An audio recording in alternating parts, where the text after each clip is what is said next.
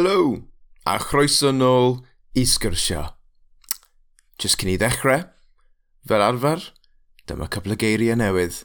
Aifft, Egypt. Deareg, Geology. Asiantai, Estate Agent. Priodasau, Weddings. Ar wahân, separately. Dyna ni. Mwynhewch y benod.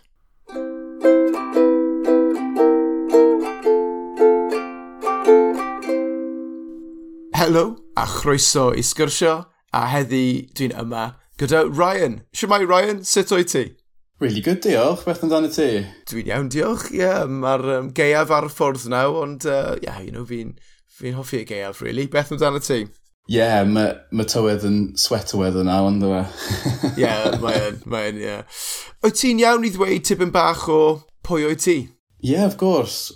Wel, um, Ryan dwi, dwi'n 29, oh, wel, dwi'n dwi, teimlo hen yn weid e. Um, dwi'n dwi byw yn Cydydd nawr, a dwi'n redig uh, siop cykenna gyda fy nhatner i. Gwych. A um, ble wyt ti'n dod? So, yn reiddiol, dwi'n dwi, boi o Lloegr, dwi'n dod o Peterborough. Des i Cydydd yn 2012, felly nawr dwi'n teimlo fel onori Cymro. dwi wedi bod yn byw yma am 11 blynedd, tymod. A yeah, just dwi'n wrth fy modd gyda Cydydd desi yma i mynd y prifysgol a nes i astudio geology. Sa'n siŵr beth y gair y geology yn, yn Gymraeg, ond... o, sa'n siŵr, sa'n siŵr.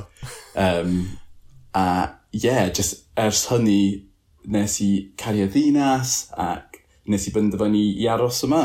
Wow, oh, cool! I mean, straeon diddorol iawn te. Mm. So nes i, nes ti cwmpo mewn cariad um, gyda Cydydd. Of course, yeah, just um, fi credu bod y, y faint y ddinas yn iawn, a mae ma pobl yn mwy gredig, a mae, um, well, Peterborough yn really flat, wedyn mae Cydydd yn yeah. just gyda llawr y mynydd yn, yn y valleys, a yeah, dwi just licio surroundings, ti'n modd. o, oh, gwych, waw. A oes teulu gyda ti dal yn Peterborough? Um, actually, na. So, mam fi naw yn byw yn Barry. O, oh, cool. So, um, yeah, mam fi yn byw yn Barry. Mae chwa fi, mae mfrawd i yn byw yn Llundain. A mae dad fi dal yn byw yn Peterborough. Felly, ynddo fi teulu mobman. Ie, yeah, teulu bob man. Fy, fy chwaer i yn byw yn Llundain hefyd, so fi'n hoffi ymweld hi yna. Mae'n ma ma dynes hwyl hefyd. Nice. Um, gwych. A so ie, yeah, i ddechrau, dwi eisiau ofyn pam a pryd dechreuais ti dysgu Cymraeg? Pam nes i dysgu Cymraeg? Wel, i ddechrau, dwi just caru iaith, iaith newydd. Um, pan o'n i yn prifysgol, wel, pan pan des i cydydd, o'n i'n meddwl bod pobl ddim yn siarad Cymraeg, really.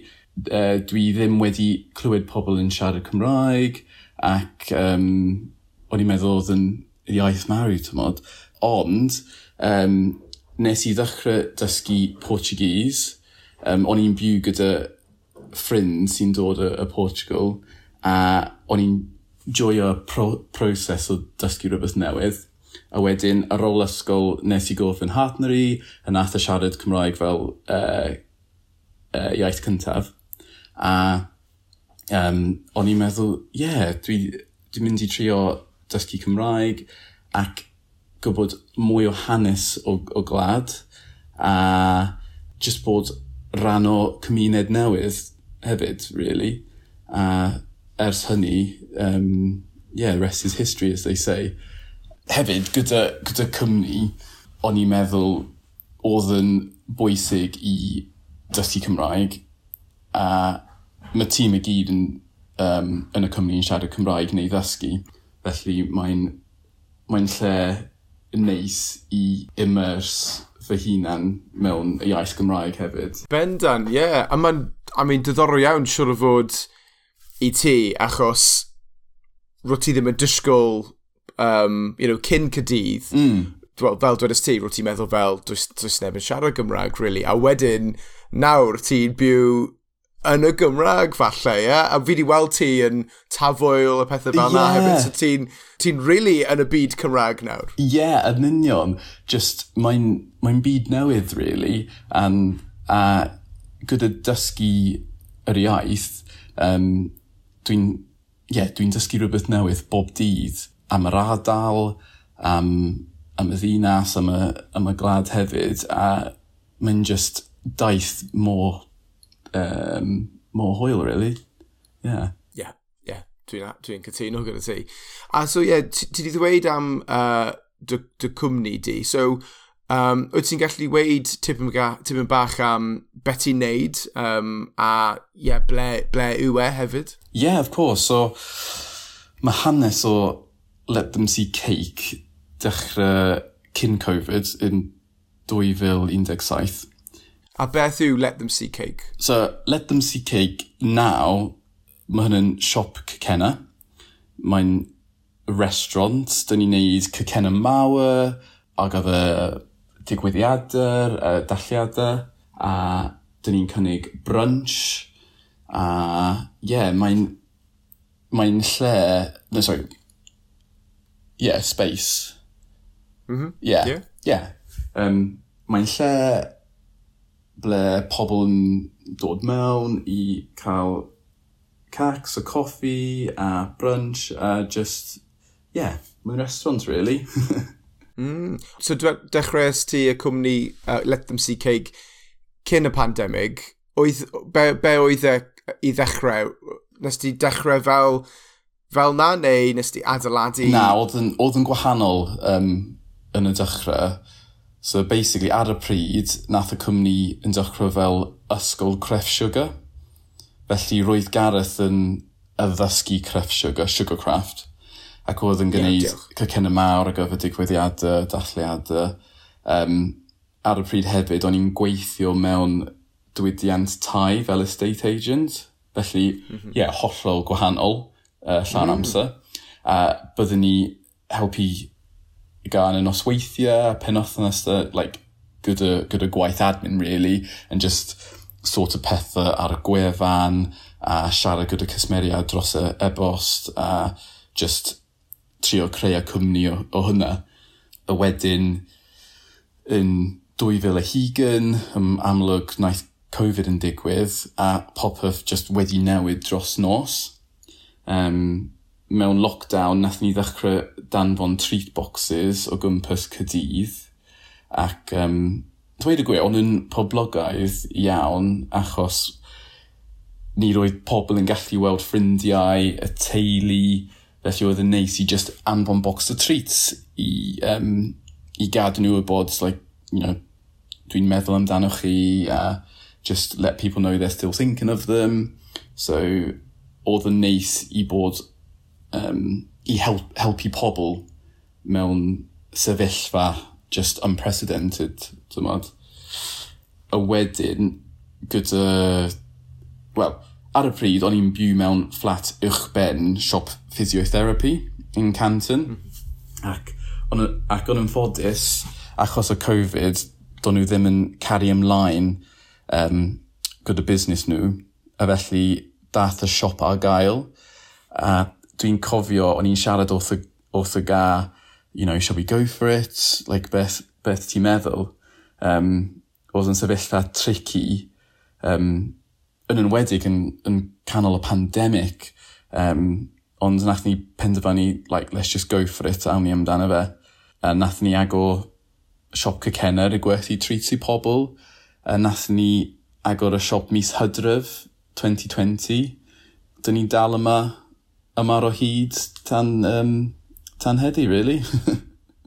Waw! A mae hynny'n like, diddorol iawn achos mae wedi dod mas o'r y pandemig, really. Mm. Falle mae'n rhyfedd i ddweud ond fel heb y pandemig. Yeah. Falle fydde ti dal gweithio mewn asiantau neu rhywbeth... Ffordd gwahanol. Ro, ti'n gweithio yn asiantaid wedys ti, ie? Yeah? Do, ie. Yeah. yeah. So, o'n i'n yeah. Gweithio yn y dydwyddiant ma, a o'n i'n joio gwaith, a do'n i ddim yn disgwyl i bod rhan o, o cwmni llawn amser.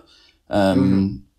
Llawn let them see cake llawn amser. Dim ond, ie, yeah. yeah, o'n i'n just hapus i, i helpu ar y, ar y ochr, really. Mm, a nawr ti'n llawn amser? Ie, yeah, dwi'n dwi, llawn amser. Dwi wedi bod yn self-employed am, am tri mlynedd nawr a just, ie, yeah, dwi'n dwi joio gwaith yn, yn fawr iawn. Ie, yeah, dwi'n methu dychmygu yn, like, fi'n neud yn rhywbeth arall naw, y dweud y gwir. Ie, yeah. o, oh, gwych, ie. Yeah. A, a ble yw Let Them See Cake? So mae Let Them See Cake yn Tregana, um, Park Victoria, Canton. Um, so cael like, cydydd o llawn. Wel, y teg, i ddechrau busnes yn y, yn y pandemig yn, yn, yn dewr iawn. Fi'n rili really falch i glywed mae wedi, wedi bod profiad dda, mae ma, ma wedi gweithio mas, so yeah. O, oh, diolch. Gwych. Oedd yn eitha, eitha scary ond fe. Ie, o ie, wrth gwrs, ie. Yeah. A wyt ti wedi wneud raglen gyda BB Ec hefyd, gyda dy siop? Do, ie. Yeah. So, yeah. mae dyn ni raglen gyda'r enw Hot Cakes a BBEC. A ie, yeah, oedd yn profiad gwahanol, unigryw, um, yeah, so a hanes o, o hynna, pan nath ni agor y, y siop yn 2020, um, gathen ni llawer o alwadau o production companies. A nath nhw weid, byddwch chi mwyn rhan o raglen, ac of course o'n i'n dweud, yeah, like, you know, be great. A ges i un alwad o Boom Cymru, a oedd hi'n mor lovely, a nath ni penderfynu i mynd gyda hi. A oedd hi'n esbonio i fi, basically, os ych chi moyn cael raglen, bydd rhaid i ni creu trailer i submit y BBEC. A wedyn bydd rhaid i ni creu trailer 5 munud o hotcakes, so nath ni creu trailer, submit o fe, a wedyn allan o 60 busnes, nath nhw dewis ni. Uh, a wedyn, ie, yeah, nath ni ennill y commission, a o'n i'n dechrau ffilmio a haf 2000, uh, yeah, 2021, 2021, yeah. Wow. Yeah, oedd yn just unreal, really. Yeah, nath ni joio fe yn fawr iawn.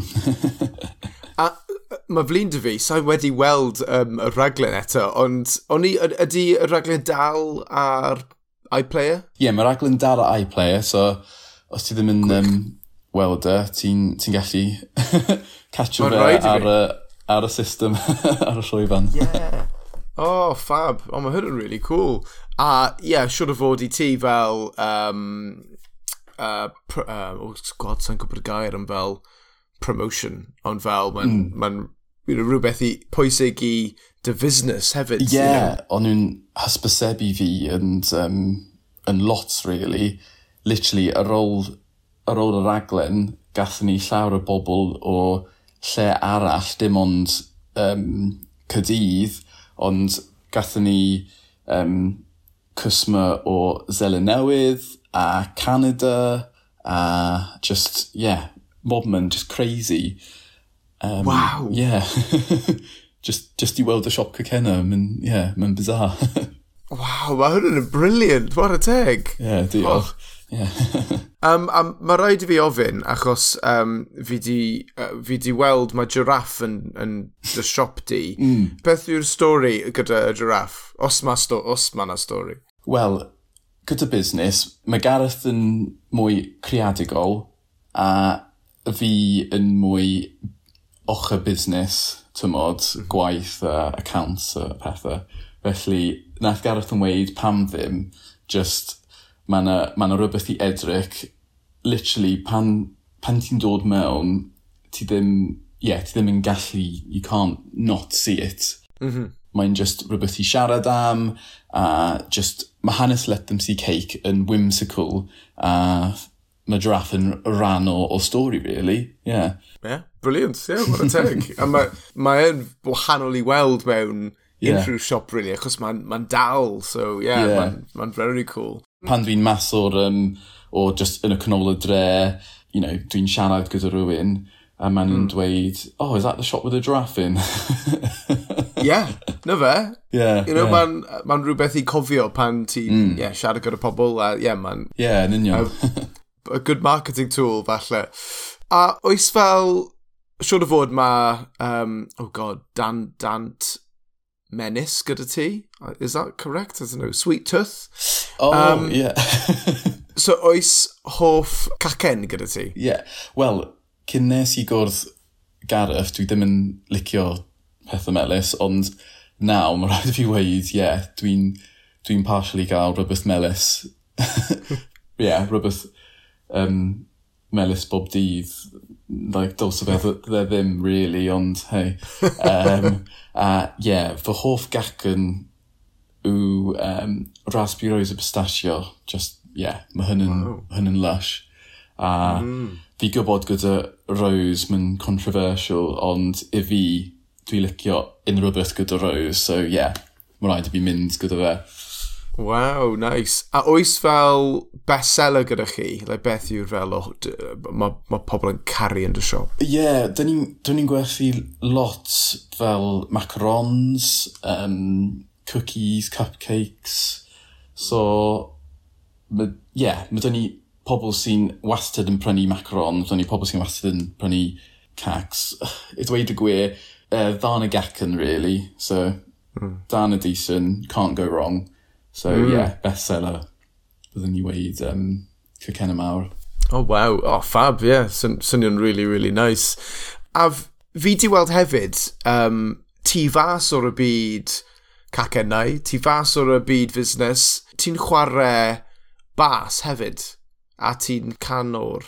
Yeah, so dwi'n chwarae mewn, mewn band. Dwi wedi bod yn chwarae gyda band am fel pedwar neu pimp mlynedd nawr a dwi'n chwarae bass a dwi'n canu a dyn ni'n chwarae lan y lawr y Cymru a Lloegr yn just, ie, yeah, dyn ni'n neud priodasa a functions a, and mae'n neis i wneud rhywbeth like, hollol gwahanol um, o be dwi'n neud mewn gwaith.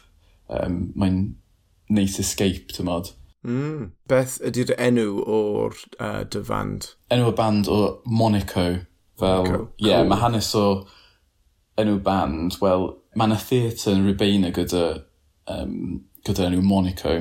A uh, mae ffrind fi sy'n chwarae gytar um, oedd yn arfer byw like, drws nesaf y theatr. Felly, nath ni penderfynu, yeah, like, pam ddim, really.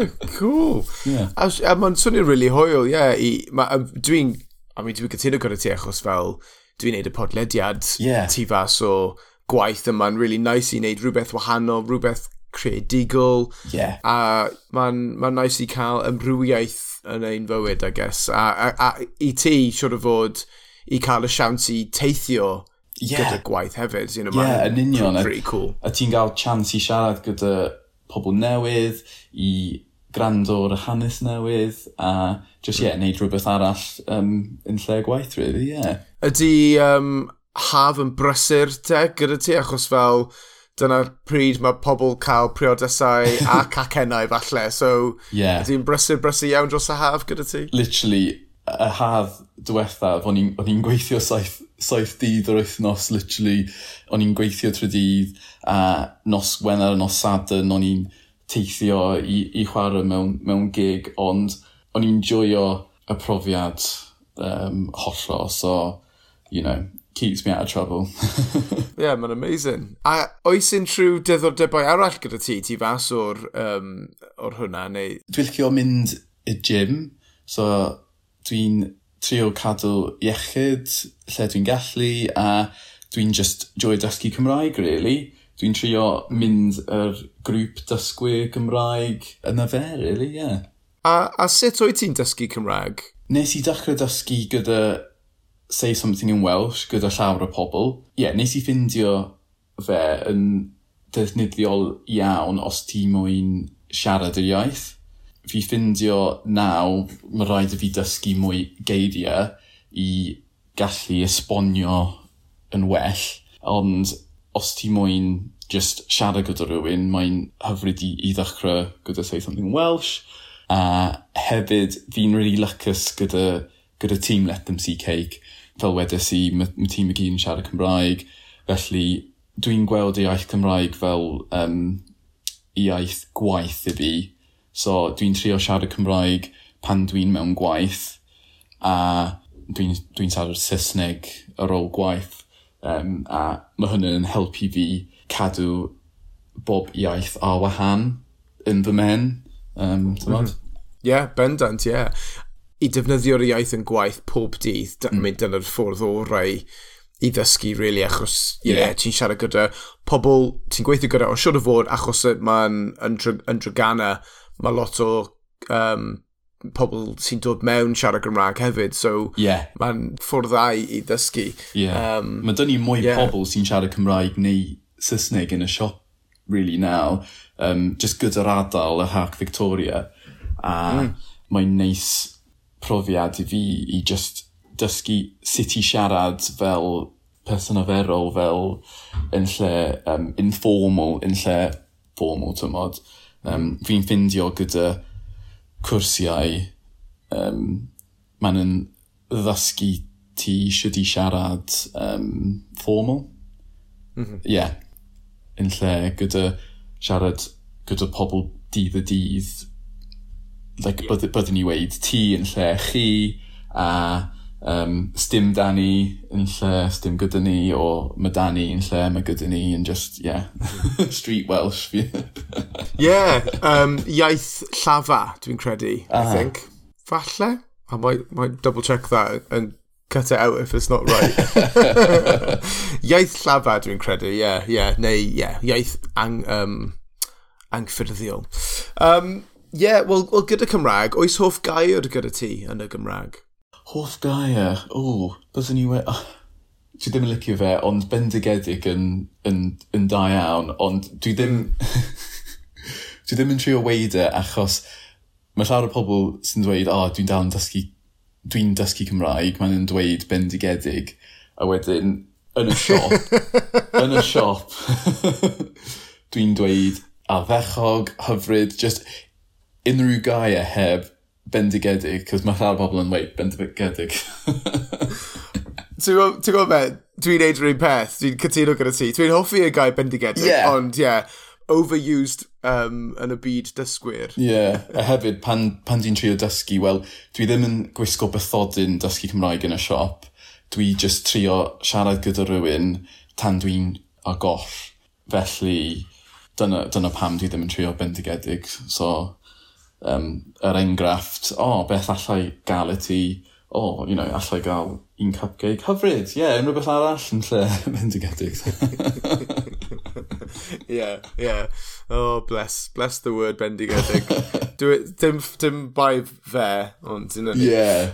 Ie, wel, well, gyda, gyda obviously fel, yeah, dysgu Cymraeg, um, weithiau ni'n neud, you know, cam cymeriadau neu ffeindio ein hunain mewn sefyllfoedd mm. diddorol neu, neu ddoniol. Oes straeon ddoniol gyda ti trwy'r dysgu Cymraeg o gwbl? Wel, ie, yeah, mae, ma dy fi un hanes, wel, ie, yeah, gyda, gyda raglen hotcakes, um, ges i chance i cael cyfweliad gyda Sian Coffi uh, a Radio Cymru. oh, cool. Ac um, nath ni weid, like, o ti'n, na Ryan, o ti'n teimlo hyderus i i cael cyfweliad yn Gymraeg, a, a nes i weid, wel, ie, yeah, fi'n siŵr, sure, ie, yeah, dwi'n teimlo hyderus, pam ddim? A um, yn, y, yn y cyfweliad, oedd hi'n gofyn y fi yr un cwestiwn, oedd popeth yn iawn, o'n i ateb yn iawn, a wedyn nath i ofyn yr ail cwestiwn, a literally, o'n i'n o'r goll yn llwyr, doedd i ddim yn deall y y cwestiwn o gwbl. Um, yn lycus, um, ges i Gareth i, i ateb y cwestiwn i fi a nes i weid, o, oh, mor sori, dyma cyfwyliau cyntaf y fi yn, yn Gymraeg. A oedd hi'n lovely, obviously, a, mm. oedd hi'n mor garedig a, a helpful uh, gyda fi. A, yeah, just... ar, ôl, ar ôl hynna, o'n i just, yeah, put my foot in it. O'n i, o'n i, oh. o'n i mor hyderus. O, oh, ie, ond, ond ie, fel dwedais ti fel, cyfweliad cyntaf, a diolch byth, mae ma Sian Cothi yn person mor hyfryd, so fel, mae hi fel y person orau i, i cael am, am y gyfweliad cyntaf. Yn union, ie. Ie, o, ie. I mean, so, oh, fi, fi di wneud cwpl o cyfweliadau um, ar y radio um, a mae'n mae of, ofnus iawn achos ti ffili weld ei wynebau. Um, yeah, yeah. A mae ma hwn really um, helpu fi pan fi siarad gyda pobl i weld ei wynebau. Um, heb y wynebau a, a llais newydd, mm. mae'n ma ma heriol weithiau. Ie. Yeah. Um, dwi, dwi ffindio'r un peth, like, yn y siop, um, dwi'n ffindio, dwi'n gallu deall rhywun pan dwi'n weld y, y wyneb, ond um, dros y ffôn, er enghraifft, os, os dwi'n cymryd um, like, acheb cacen, dwi, dwi weithiau dwi'n dwi, dwi stryglo i, i, i cymryd yr acheb. A dwi ffindio mae'n mae tricky achos um, weithiau mae pobl yn weid, o, oh, you know, dych chi siarad Cymraeg. A mm -hmm. dwi moyn dweud, ydy, ie, yeah, dwi'n siarad Cymraeg. Weithiau, na i weid, dwi dal yn, dwi dal yn dysgu Cymraeg, ond dwi'n hapus i helpu. Just mae'n really tricky ar y lefel nawr, achos dwi ddim yn mwyn dweud dwi'n dysgu, a wedyn mae rhywun yn just newid y Saesneg i caru y sgwrs ymlaen yn Saesneg, dwi'n meddwl. Ie, yeah, yeah, mae'n mae tricky, achos weithiau maen nhw'n, yeah, just newid syth. I mean, beth wyt ti dweud fel, oh, hei, dwi'n you know, ailiaeth ond hapus i siarad Gymraeg, neu, mm. like, oes, oes, beth wyt ti dweud iddyn nhw? Ie, yeah, y fi, wel, dwi'n ffindio mod i dal yn dweud, ie, yeah, dwi dal yn dysgu Cymraeg, ond fi'n hapus i helpu. Uh, a fel afer, ma'n yn cario ymlaen yn Cymraeg, mm. ond mae'n tricky weithiau, ond na i just weid, oh, sorry, sa'n mwyn colli yn rhyw manilion, na i switch o mas i Saesneg. just, yeah, just see how it goes. Yeah. Yeah. Yeah. Um, dwi'n yeah, dwi neud yr un peth weithiau, um, achos dwi'n defnyddio Cymraeg yn, yn gwaith, a weithiau dwi'n teimlo hyderus i, i defnyddio, ond weithiau mae dwi'n delio gyda rhywbeth eitha sensitif neu pwysig, yeah. a dwi'n kind of teimlo fel, a maybe they don't need my Wenglish today. Yeah. Tomorrow, so like, yeah, so on, on gyda gamsa fi'n um, adeiladu fy hyder, a hefyd fel dysgu mwy o geiriau um, specific um, hefyd. Mm. Ryan, um, na ofyn ti nawr y cwestiwn olaf. Mae peiriant amser gyda ti, a ti'n gallu mynd nôl mewn amser ac ymweld tri lefydd wahanol. Mm. Ble fasa ti fynd? O, oh, cwestiwn dda. Um, byddwn ni weid, ie, yeah, y lefydd gyntaf, well, ancient Egypt i weld sydd nath nhw creu y pyramids mm. i, i hmm. ddechrau. O'n un just unreal. A wedyn, yr ail ateb, byddwn ni weid Lloegr cyn, cyn oedd y pobl yn, wel, ie, yeah, pan oedd y pobl yn siarad Brythonic yn lle um, hen, hen Saesneg, just achos o'n i ffindio'r yn, yn diddorol iawn i clywed pobl sy'n dod o Lloegr yn siarad rhywbeth syml i Cymraeg a just yeah, bydd yn gret. Mm. A wedyn olaf, byddwn ni weid Frank yn yr amser Georgian fel Marie Antoinette, just gyda'r architecture a gyda, um, yeah, gyda y steil. Obviously, gyda, gyda siop ni, mae um, ma siop yn edrych um, yn eitha Parisian, so um, yeah, byddwn ni weid hwnna. oh, cool. Ie, yeah, opsiynau mor dda. Diolch. Um, gyda'r un cyntaf, wyt ti wedi bod i um, Egypt? Eff, eff, effraith? Effraith, e credu, ie. Yeah. Effraith. Um, na, dwi, dwi heb, ond ie, yeah, dwi, dwi, ie, yeah, fi'n gobeithio i, i mynd yn, yn fian. Um, yeah, dwi eisiau mynd y Seven Wonders of the, the World. So, yeah, yeah, bydd yn gret. yeah, gwych, yeah. A, yeah, yr, yr ail opsiwn, yeah, I mean, bydd diddorol iawn i... i dych... Mae'n ma anodd, mae'n rhyfedd i dychmygu Prydain mm. siarad, you know, obviously, yeah, breth, brethoneg. Um, bydd yn rhyfedd iawn i, i, i, i weld Prydain fel yna. Hoff, hoffwn ni fynd hefyd i, i yeah. weld... Um, y byd fel na, mae'n ma diddorol, diddorol iawn.